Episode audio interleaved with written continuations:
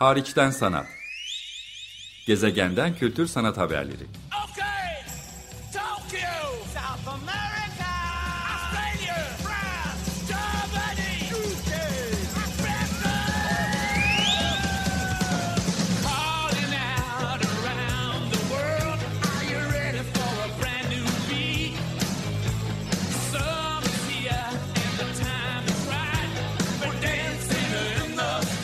Hazırlayan ve sunan Çelenk Bafra.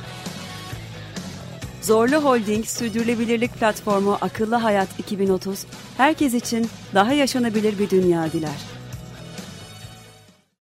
İyi haftalar. Ben programcınız Çelenk. Hariçten Sanat programında bugün size Antakya'dan müze haberleri getiriyorum.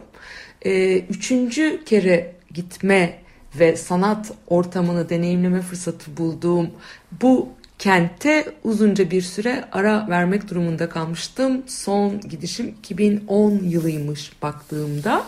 Ee, o dönemden bugüne yeni müzeler açılmış, müzeler yeni binalara taşınmış.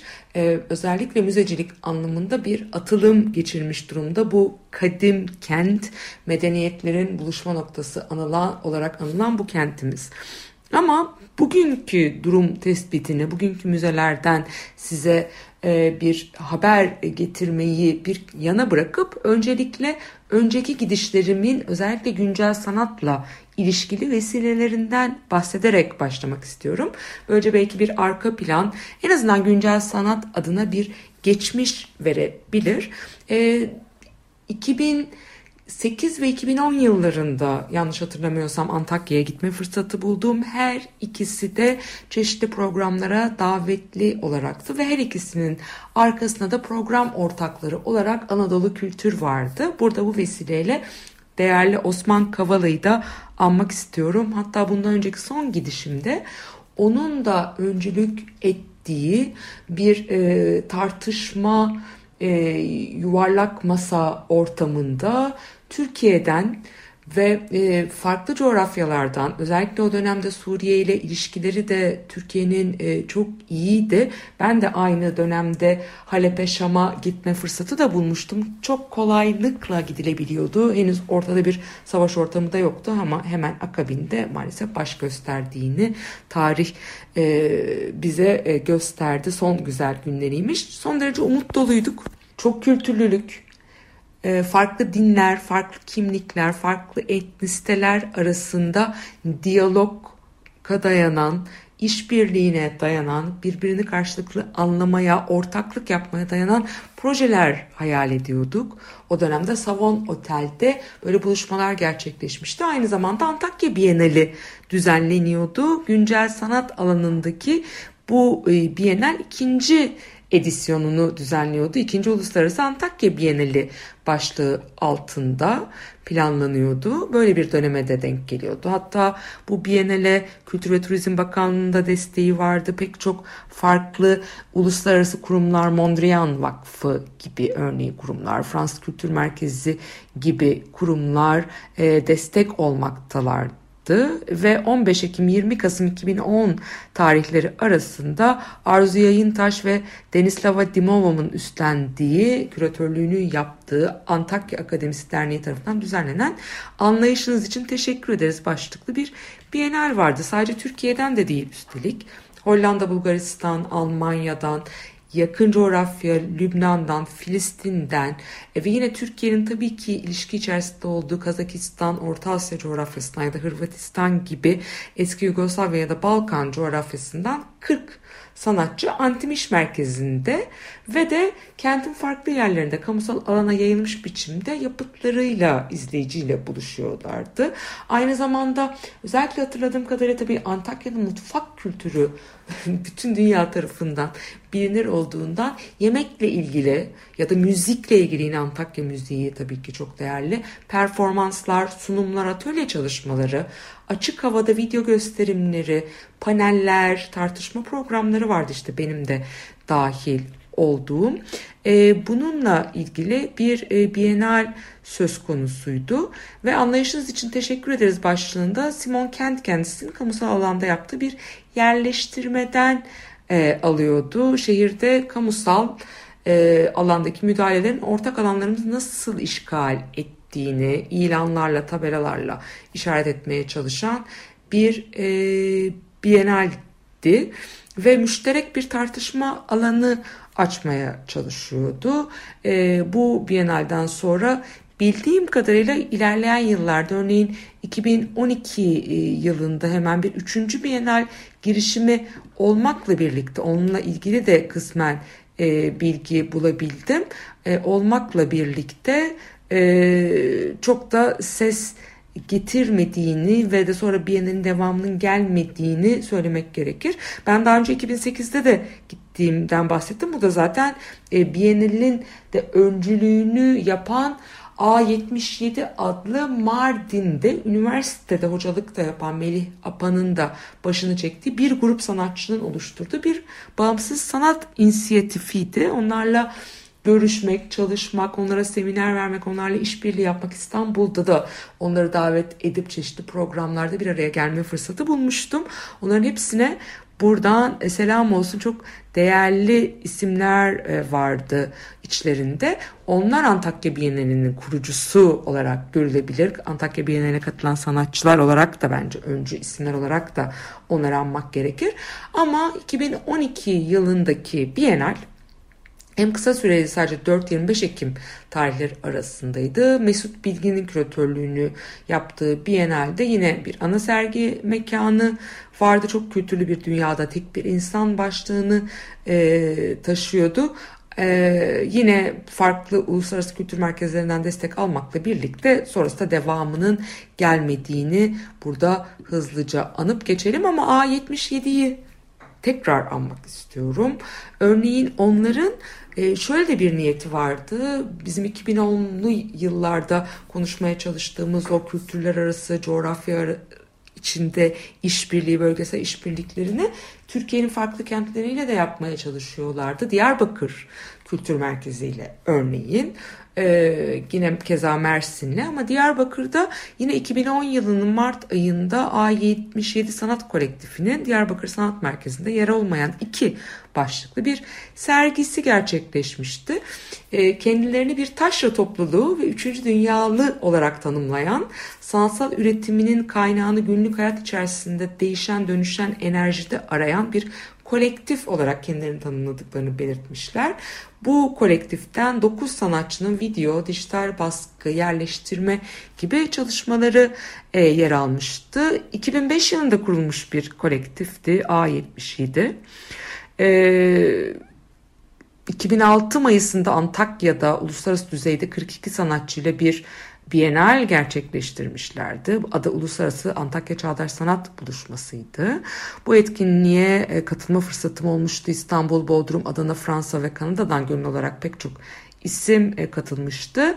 E, yine 2010-2011 yıllarında hem Türkiye'nin güneyinde yer alan komşu ve civar ülkelerde yaşayan sanatçılarla da ortaklık kurarak sürdürmeyi e, planladılar. Melih Apa'nın adını almış oldum. Buradan diğer isimlere de selam etmek istiyorum. Bir kısmı bunların İstanbul, Mersin gibi farklı coğrafyalara taşımış olmakla beraber Antakya'da da çalışmalarına, akademik hayatına, faaliyetlerine devam eden isimler var. Ama kurucu isimlere Hakan Bitmez, Mehmet Çeper, Volkan Eray, Mehmet Fahracı, Emrah Gökdemir, Cüneyt Kurt, Seher Kurt, Fatih Tan ve Ediz Yenmiş'e ve ailelerine, dostlarına, A77 kadrosundaki herkese buradan özellikle yeniden bir araya gelmek dileğiyle selamlarımı iletiyorum. Bu Antakya'ya gidişim çok kısa ve özel de bir vesileyle olduğu için onlarla tekrar bir araya gelme fırsatı bulamadım.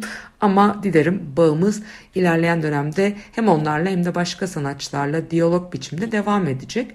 İstanbul'da depoda da e, programlara katıldıklarını hatırlıyorum. Mardin Kızıltepe'den sanatçılarla da işbirliği yaparak örneğin e, pek çok farklı ortaklıklar kurmaya çalıştılar. Kamusal alanı özellikle çok kullanan, buna dikkat çeken ya da Antakya ve civarındaki farklı kamuya ait terk edilmiş binalara özellikle mekana özgü işler yerleştirmeye çalışan bir e, kolektif oluşumdu.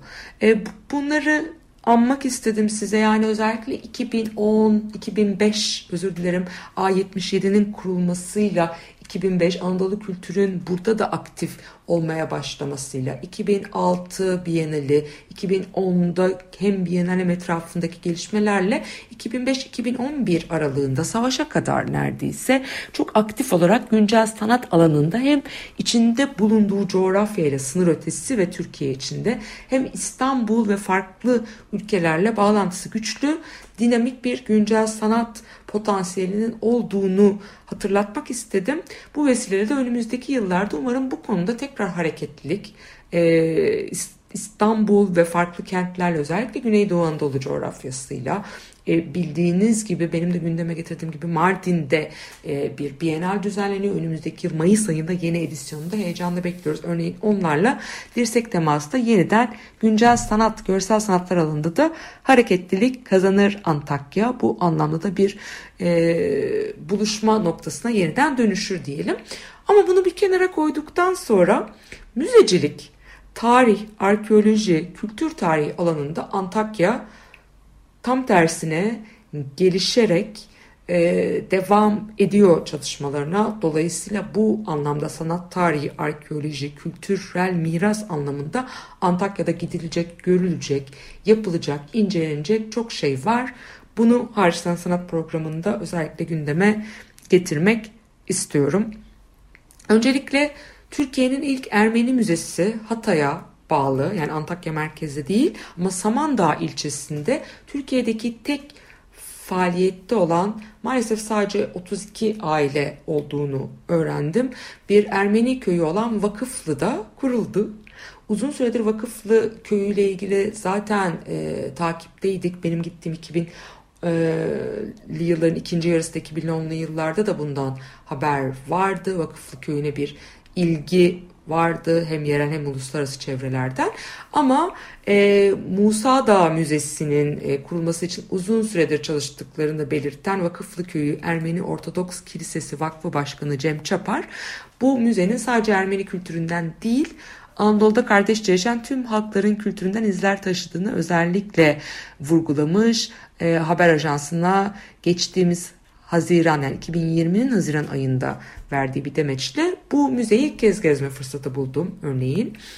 Yüzlerce yüzlerce yıl Ermenilere ev sahipliği yapmış. Musa'nın da geçtiğine inanılan örneğin Musa Dağı olan orada bir kadim ağacın da olduğu Samandağ ilçesine bağlı Vakıflı köyü aslında etrafında bu Musa Dağı'da e, beş farklı köy daha var ama orada artık Ermeni nüfusu hiç kalmamış tehcirden ötürü Vakıflı köyünde ise devam ediyor. Özellikle kültürel özelliklerini e, oradaki Ermenilerin konuştuğu dil bizim Batı Ermenicesinden ya da Ermenistan'da konuşulan Ermeniceden de farklı özellikle sözlü kültüre dayandığı için e, farklı dillerden de kelimeler katarak kendine has başka tür bir Ermenice oluşturmuş. Çok da sözlü aslında kalmış. Çok da yazılı veride üzerinde kalmamış. Kültürel özelliklerini korumaya çalışan, sözlü tarihle bunu araştırmaya çalışan bir coğrafya. Musa Dağı eteklerindeki Hıdır Bey Vadisi'nin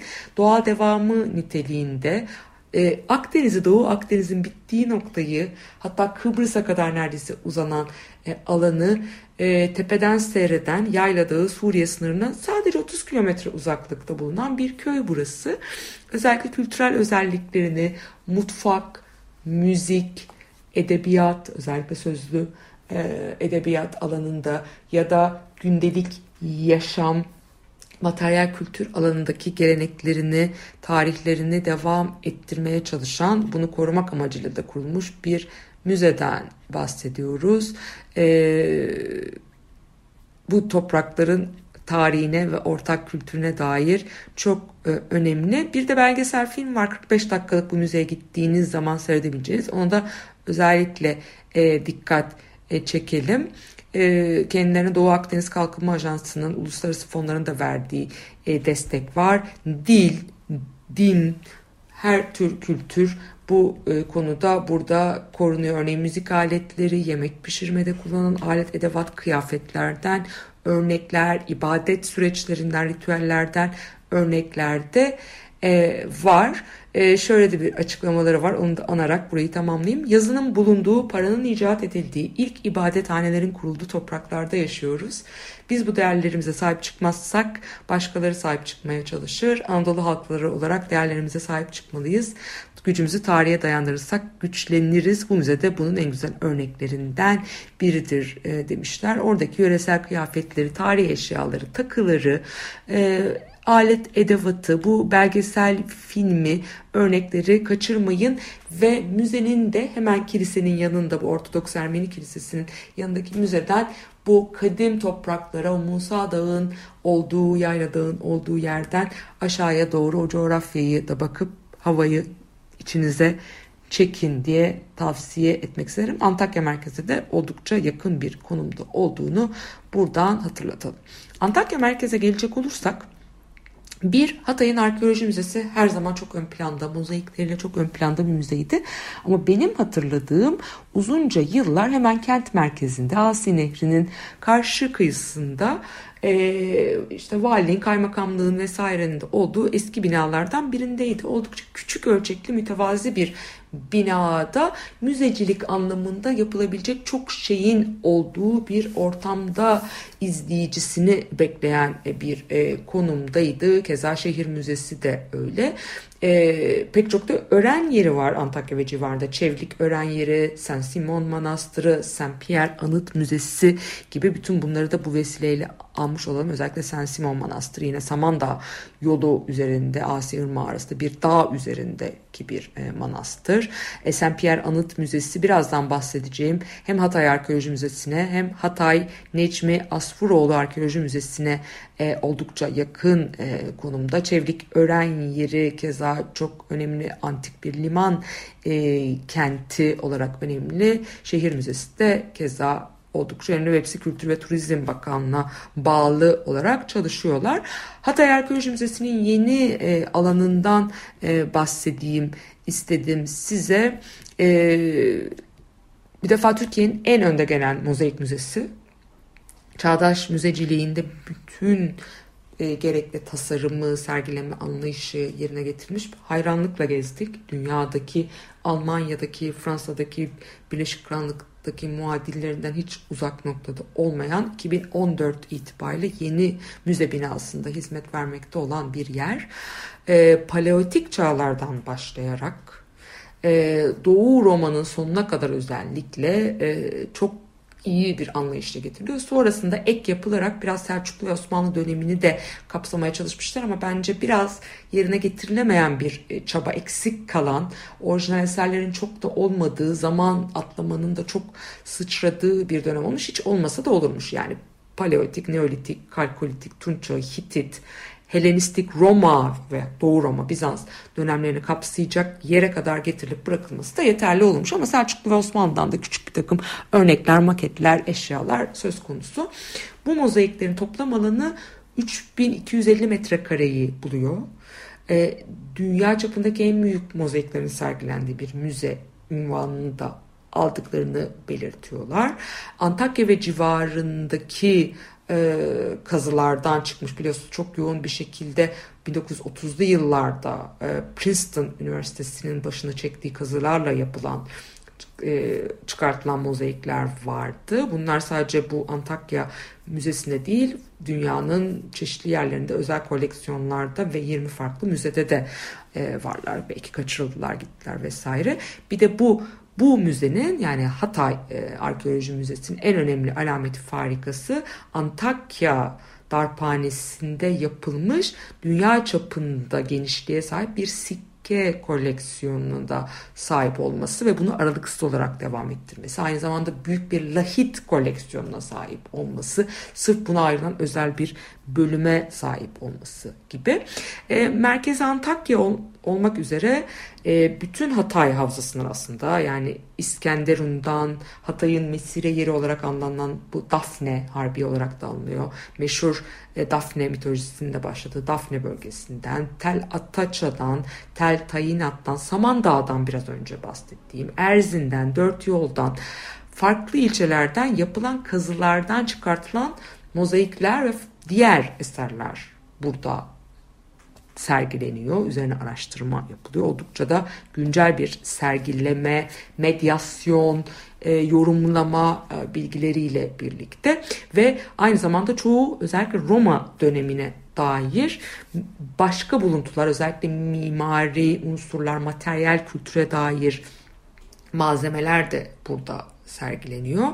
E, birkaçını mesela e, ön plana çıkartmam gerekirse beni en çok etkileyen e, Halep'te de e, gezme fırsatı bulmuştum.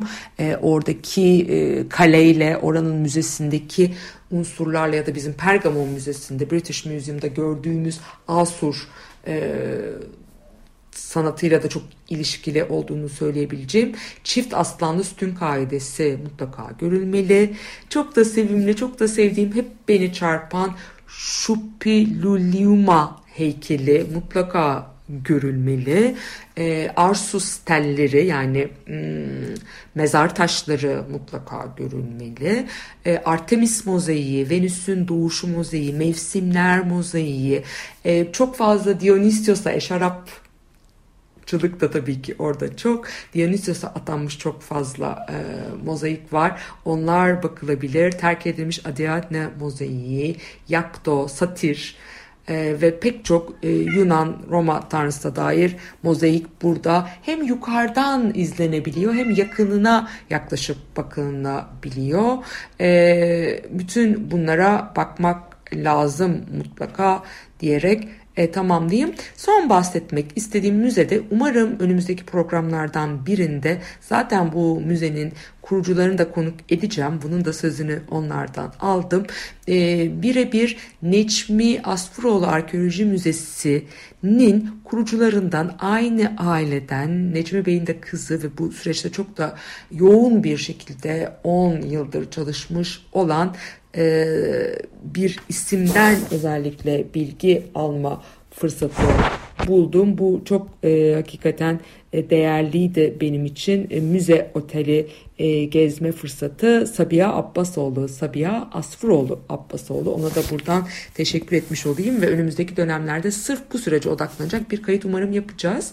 Ama e, şundan bahsetmek istiyorum. 2009 yılında Antakya kent merkezinde bir otel inşaatına girişiyor Asproğlu ailesi. Zaten Antakya'nın önde gelen kadim ailelerindenler. Hem otelcilik alanında da başka faaliyetleri var hem de başka sektörlerde de önde gelen eski kadim aileleri arasındalar. Ama 2010 2009 yılında Antakya kent merkezinde yapılacak bir otel e, inşaatı sırasında arkeolojik kanıtlar ortaya çıkınca bunu korumayı, bunu bundan haberdar etmeyi, buna sıraltı etmeyip bildirmeyi tercih ediyorlar. Çünkü pek çok bunun aksi örneği de maalesef Türkiye'de yaşanmış durumda.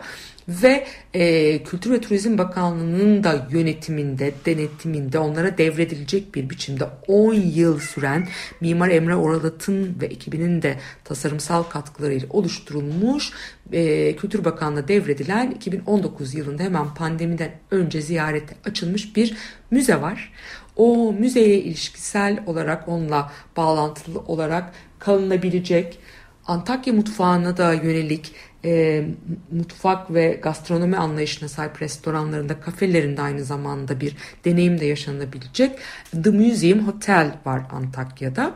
E, günümüz Sün Antakya kentine hem güncel bir yaklaşım, bir kültür turizmi anlayışı da yerleştirmeyi becermiş hem de kentin bu 2300 yıla uzanan uzun yerleşim tarihine dair farklı arkeolojik katmanları birebir kazıl alanıymış gibi gezebileceğiniz, oradaki eserleri görme fırsatı bulabileceğiniz bir imkan yaratmışlar.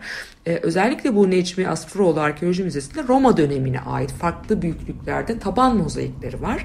Yerinde çıkarıldığı yerde kazınırken bulunduğu yerde korunarak sergilenmekte. Bu açıdan da dünyadaki sayılı örneklerden biri olduğu özellikle belirtiliyor. Örneğin milattan sonra 2. yüzyıldan Roma dönemi villasına ait bir taban mozaiği e, dikkat çekiyor özellikle. Dört panele ayrılan bir e, mozaik söz konusu. Ana panelin altında yer alan ve ondan biraz daha küçük olan üç panelde ilham perileri, müzler e, varken ana panelde Pegasus yani e, uçan at figürü ve yine periler, nimfler e, söz konusu. Dünyanın en büyük tek parça mozaiği olarak kabul ediliyor. 1050 metrekare büyüklüğündeki bir bu mozaik çok dikkat çekici. E, başka mozaiklerden biri Necmi Asfroğlu Arkeoloji Müzesi'nde yer alan. E, dolayısıyla bu müzeye gittiğiniz zaman yerinde bu taban mozaiklerini görmeniz mümkün. E, Antakya programını şimdilik bu şekilde tamamlamak istiyorum. Özür dilerim aralıksız konuştuğum için kısa bir nefes almak durumunda hissettim kendimi. Ama e, Antakya'ya yolunuzu düşürdüğünüz zaman Hatay Arkeoloji Müzesi'ne, o Mozaik Müzesi'ne ve Necmi Asfıroğlu Arkeoloji Müzesi ile The Museum Oteli mutlaka görmek gerekiyor. Türkiye'nin tarihini, arkeolojisini, medeniyetini anlamak ve müzecilik anlamındaki son güncel yaklaşımları e, incelemek adına buradan gündeme getirmek sizlerle paylaşmak istedim. Ben programcınız Çelenk. Hariçten Sanat programında önümüzdeki haftalarda yeniden bir araya gelmek üzere. Hoşçakalın. Hariçten sanat. Gezegenden kültür sanat haberleri. Okay,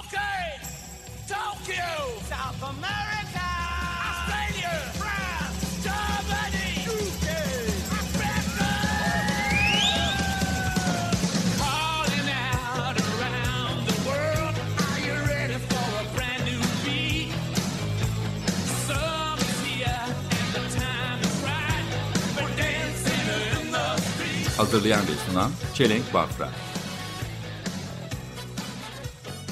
Zorlu Holding Sürdürülebilirlik Platformu Akıllı Hayat 2030 sundu.